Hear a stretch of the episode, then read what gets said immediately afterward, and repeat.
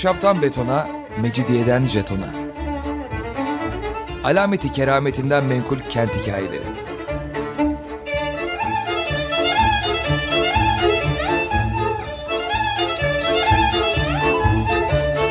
Hazırlayan ve sunan Pınar Erkan.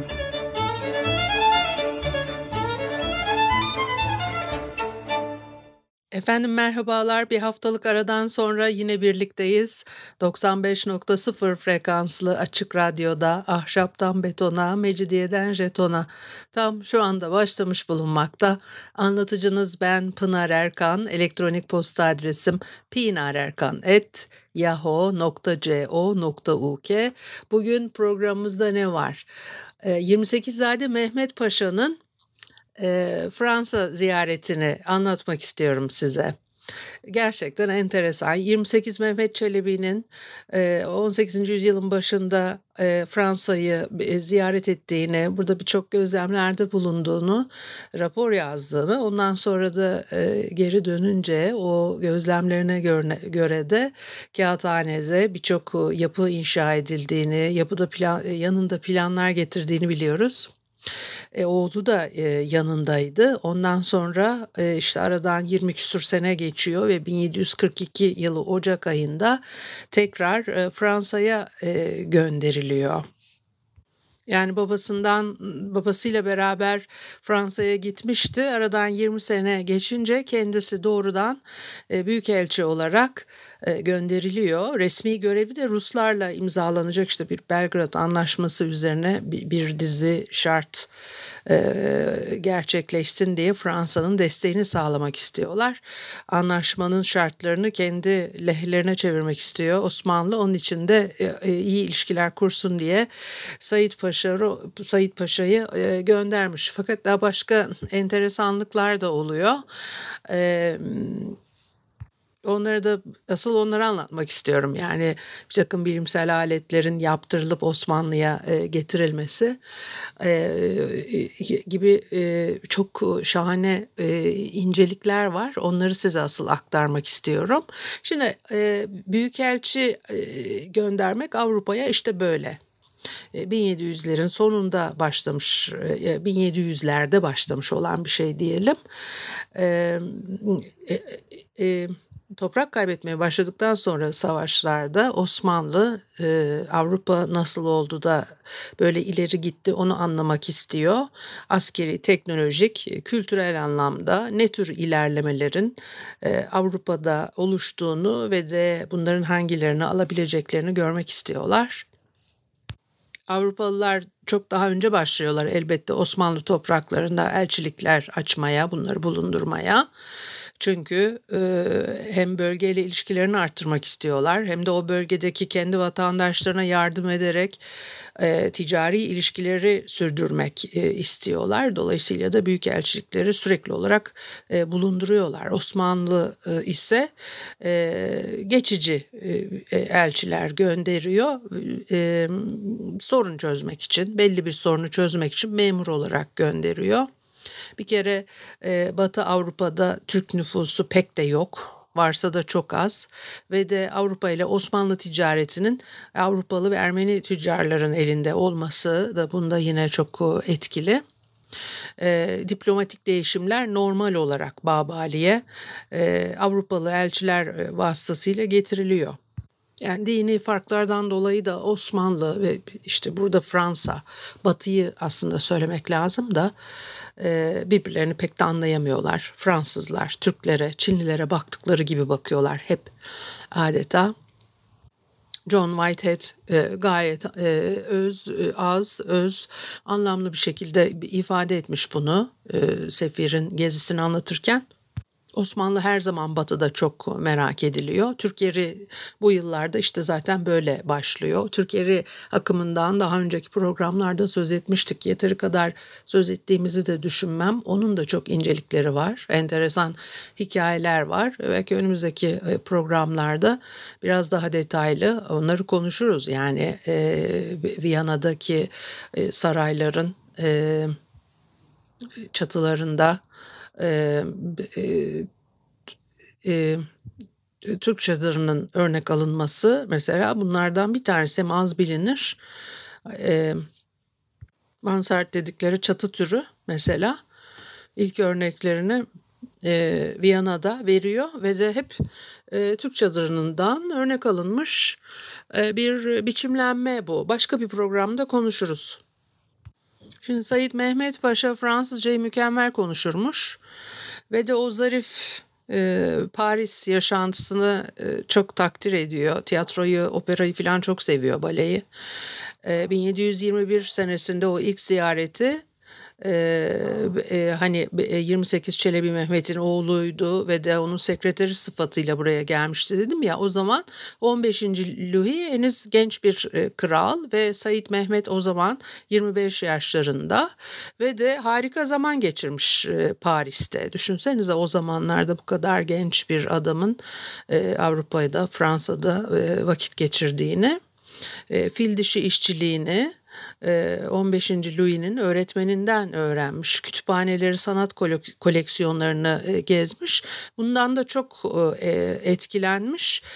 Gezinin sonunda Osmanlı'da ilk matbaayı müteferrika ile beraber 1726 yılında kuruyor. Ee, ve de e, Osmanlı İmparatorluğu'nun e, büyük elçilikler vasıtasıyla ulaşmak istediği teknolojik ilerlemelere e, güzel bir e, örnek, e, geç kalınmış bir örnek e, olmakla beraber e, dini yayınları matbaada basmak yasak. E, fakat yine de e, Mehmet Efendi matbaasıyla iftihar ediyor. O kadar ki Paris'e 1742 senesinde gittiğinde tekrar Kraliyet Kütüphanesi'ni gezmiş e, ve de o kütüphaneye kendi matbaasının eserlerinden armağan etmiş. O eserler arasında da e, Türkçe eski Türkçe sözlük, e, bir atlas, bir de e, Osmanlı tarihi kitabı varmış. E, Mehmet Efendi Büyükelçiliği hakkında e, e, rapor yazıyor ve de o raporun da e, Fransızca çevirisi hazırlanarak bastırılmış, yayılmış da okuyucuyla buluşmuş gerçekten. E, 1742 senesinde Voltaire ile ahbaplık da ediyor, tanışmışlar e, ve de Voltaire'in kendisinden e, etkilendiği söylenir. Yani hani o etkilen fikirsel bazda etkilendiğini iddia et öyle bir şey yok tabii ki kastettiğimiz o değil. E, fakat şaşırmış ay ne kadar e, işte iyi Fransızca konuşuyor. E, Aa, bizim gibi bir adam falan diye. Etkilenmiş dediğim o yani. E, zaten hep öyle olmuyor mu? E, daha böyle Binbir Gece masallarından çıkmış bir tip bekliyorlar karşılarında ama kendileri gibi e, normal bir insan e, görünce yani e, bu sefirlerin veya işte sultanlar için de geçerli şeyler. E, Abdül e, Abdülaziz Fransa'ya gittiği zaman düşünsenize aradan 100 küsur yıl geçmiş. Abdülaziz de Fransa'ya gittiği zaman yine aşağı yukarı benzer bir etki yaratıyor. Koskoca sultan yani o çok şahane Fransızca konuşuyor efendim. Oturmasını kalkmasını yemeği içmeyi biliyor falan diye bir de hayal kırıklığına uğramışlardı o zaman. Bunları da başka bir zamanda konuşmuştuk diye hatırlıyorum. Abdülaziz'in gezisini anlatırken ama o tavır tutum hiç değişmiyor yani batıda bambaşka bir şey bekliyorlar karşılarında ve buldukları da onları şaşırtıyor. Mehmet Said Paşa da işte Fransa'daki güzel parklardan biriyle ilgili mesela demiş ki bu dünya müminin zindanı kafirinse cenneti. İşte ve bugün de değişmiyor gördüğünüz gibi hem kendilerine zindan hem başka herkese zindan haline getirmeye çalışan bir anlayış da söz konusu. Üstüne üstlük de e, akılları sıra bu dünyada bir cennet yaratacağız diye de gerçekten e, bin türlü çirkinlikle karşılaşıyoruz. Neyse e, Mehmet Efendi Versay'ın bir e, Versay Sarayı'nın bir seri gravürü e, hazırlıyor. Onunla e, geri dönüyor ve de işte Sadabat bir mesire yeri e, bu şekilde e, inşa ediliyor o zaman ve de hatta o zamanlarda parkın bazı kısımlarına e, Versay'daki büyük kanalın e, kraliyet bahçelerinden esinlenmeler olmuş fakat e, ilk ziyaretinden söz ediyorum Mehmet Efendi o zaman hani Mehmet Efendi veya Mehmet Paşa dememin e, arasındaki fark bundan kaynaklanıyor. 1730 tarihli patrona Halil isyanında yok edilmiş birçok şey gibi o da gitmiş. E, e, ve de Orleans Düşesi Mehmet Efendi'den mektuplarından birinde muazzam övgüyle bahsediyor. Bu kadar yüksek anlayışa sahip olduğuna bakılırsa mümtaz bir insan olmalı demiş kendisi için. Sonra Said Mehmet Paşa olduktan sonra işte bu Avrupa seyahati Rusya ve İsveç'i de kapsıyor. Maalesef o seyahati içine alan detaylı bir rapor yazmış fakat Büyükelçiliğin arşiv kayıtları günümüze ulaşmamış.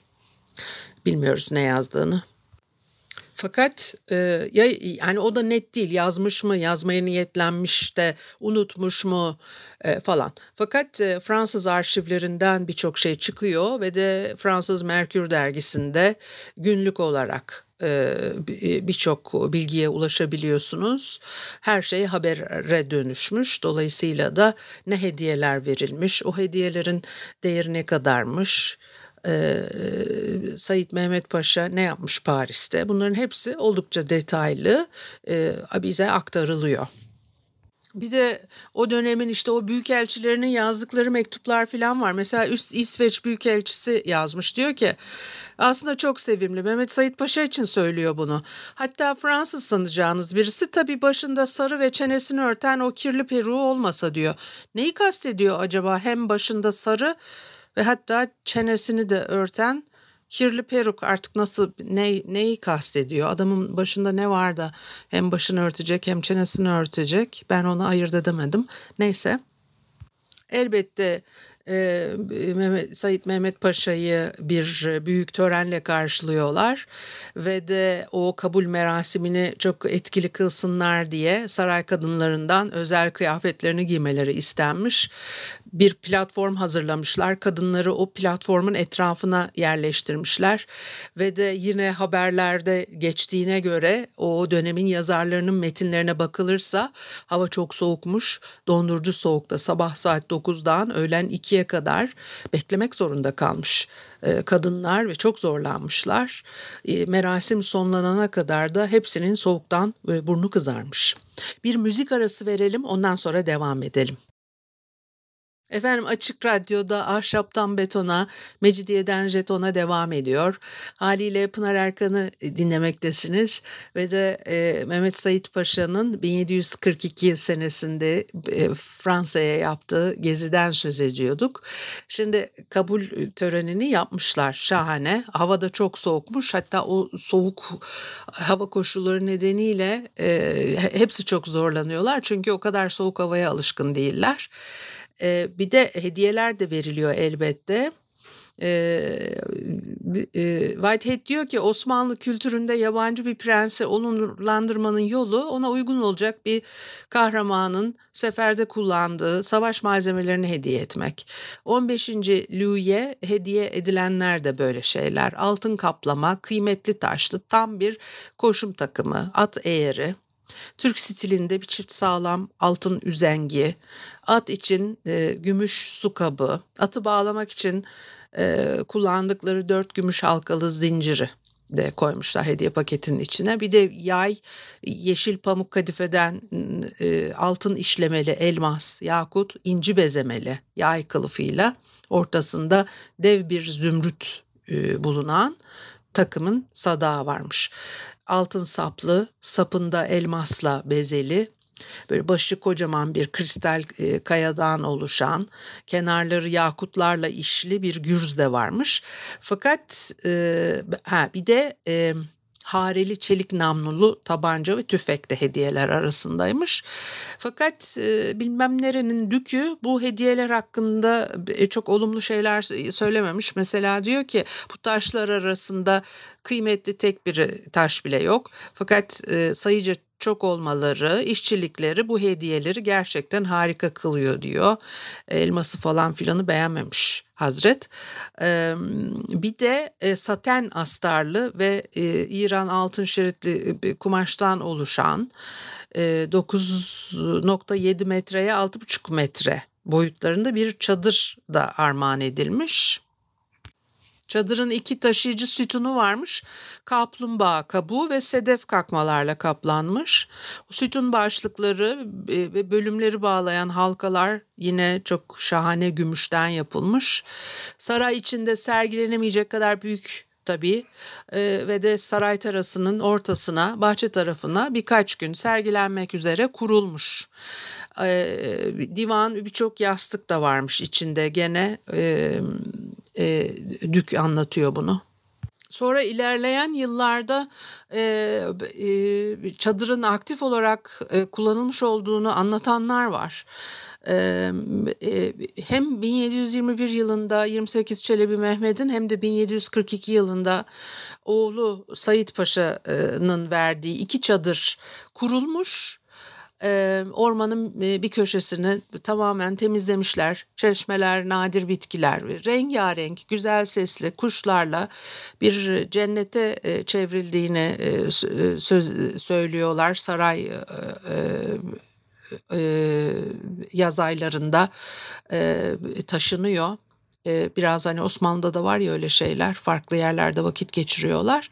İşte o zaman çadırları katlanarak açılıyormuş altın yaldızlı iplerle bağlanan girişleri var. Zengin parke tabanları sahipmiş çadırların. içlerinde de koyu kırmızı kadife döşemeli altın şeritler, altın saçaklı süslemeler varmış e, konsey odası, yatak odası, giyinme odası bir de farklı farklı odalar da yapmışlar o çadırların içine. E, kuş desenleriyle bezeli ve de e, harika porselenlerden e, imal edilmiş soba, şömineler, bol miktarda dantel işlemeler de varmış. Hani biz tabii bize o kadar uzak ki çadır diyoruz da çadırı da herhalde bir piknik çadırı, kamp çadırı falan zannediyor olabiliriz. Çünkü onları biz görmüyoruz ki. Yani çadırlar öyle kolay sergilenebilecek şeyler değil. Ama belki var bir güzel fotoğraf galiba ben de onu paylaşırım sizinle. Çok etkileniyorlar yani. Bir kere Belvedere Sarayı'nda e, kullanılması o e, Viyana'da e, e çatıda e, e, hani mansart çatı dedim de o sonradan alıyor o ismi tabii. Başka türlü bir hani e, biçimlenme ve gelişme söz konusu orada ama aslına baktığınızda e, sarayda e, çünkü mesela Belvedere Sarayı'nın olduğu yerde de çadırlar varmış. Evet e, Osmanlı çadırları varmış. Ondan sonra o çadırların e, bulunduğu yere saray inşa ediliyor ve de çatısının da e, Osmanlı saraylarından ilham alınarak inşa edildiği e, kaynaklarda geçer. Dolayısıyla o çok enteresan bir şey değil mi? Ve biz ne kadar az biliyoruz bunu. Onun da fotoğraflarını paylaşacağım. Yani tek e, Twitter'da paylaşırım onları. Evet Dolayısıyla biz kendimiz de çadır yani çok bilmiyoruz ama hani sıradan çadırlar değil bunlar etkileyici şeyler. Sonra bir de tabii onların verdiği hediyeler var. Ee, bir çift 400 bayağı 5 metreye 3 2,5 metre uzunluğunda bir ayna varmış. Çok büyük ayna. E, yaldızlı bronz çerçeveli ayna üzerinde e, Osmanlı'ya uygun sembollerle bezenmiş ve de toplam değeri 25 bin Fransız lirasına yakınmış o zaman da e, bir bronz işlemeler varmış üstünde o dönemin önemli sanatkarları ve zanaatkarlarının elinden çıkma şeyler bunlar. Yine Merkür dergisinden öğreniyoruz ki aynanın nakliyatı sırasında parçalara e, bölünebilmesi için beş kişiyi görevlendirmiş kral ve İstanbul'a montaj göreviyle gitmiş o beş kişi.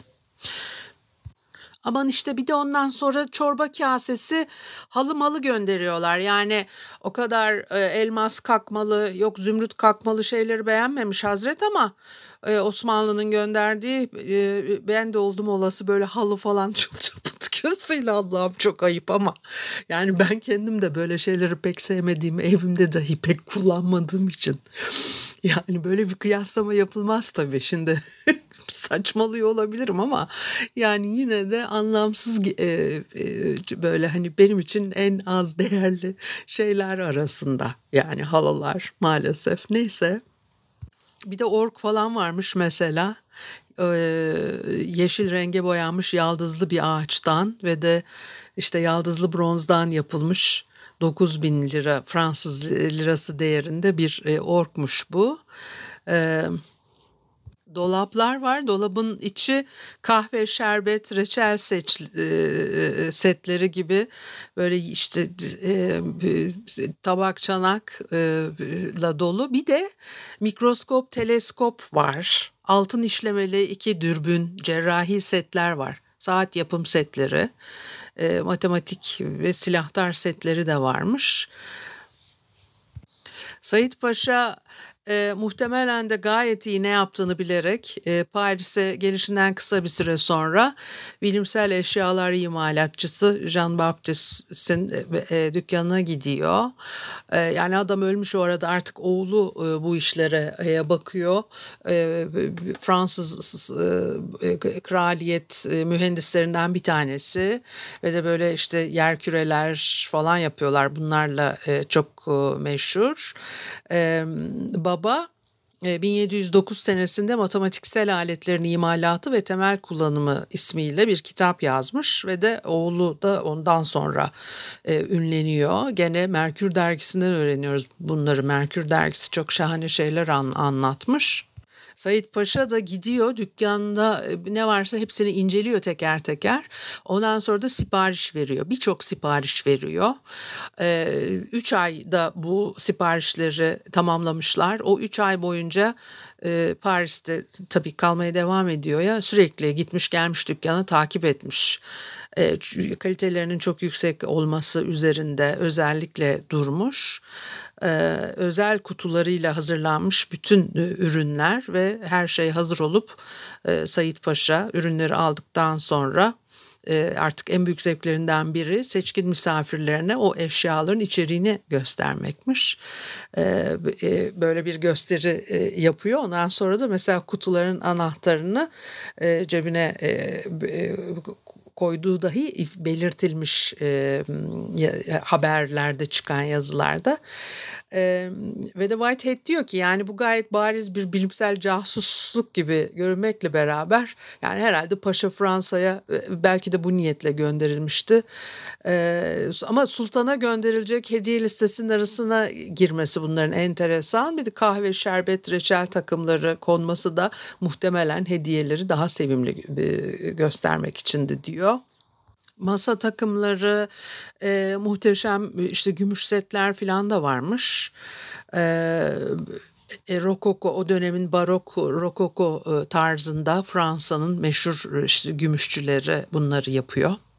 39 kilo ağırlığında 113 santim çapında bir masa, üzerinde bir çorba tası, 12 tabak, 12 Türk usulü kaşıktan oluşan bir e, hediye. 12 kişi oturabiliyormuş yan masaya ve de e, kaşıkların doğuda önemli kişiler tarafından kullanılan cinsten e, olduğu özellikle belirtiliyor.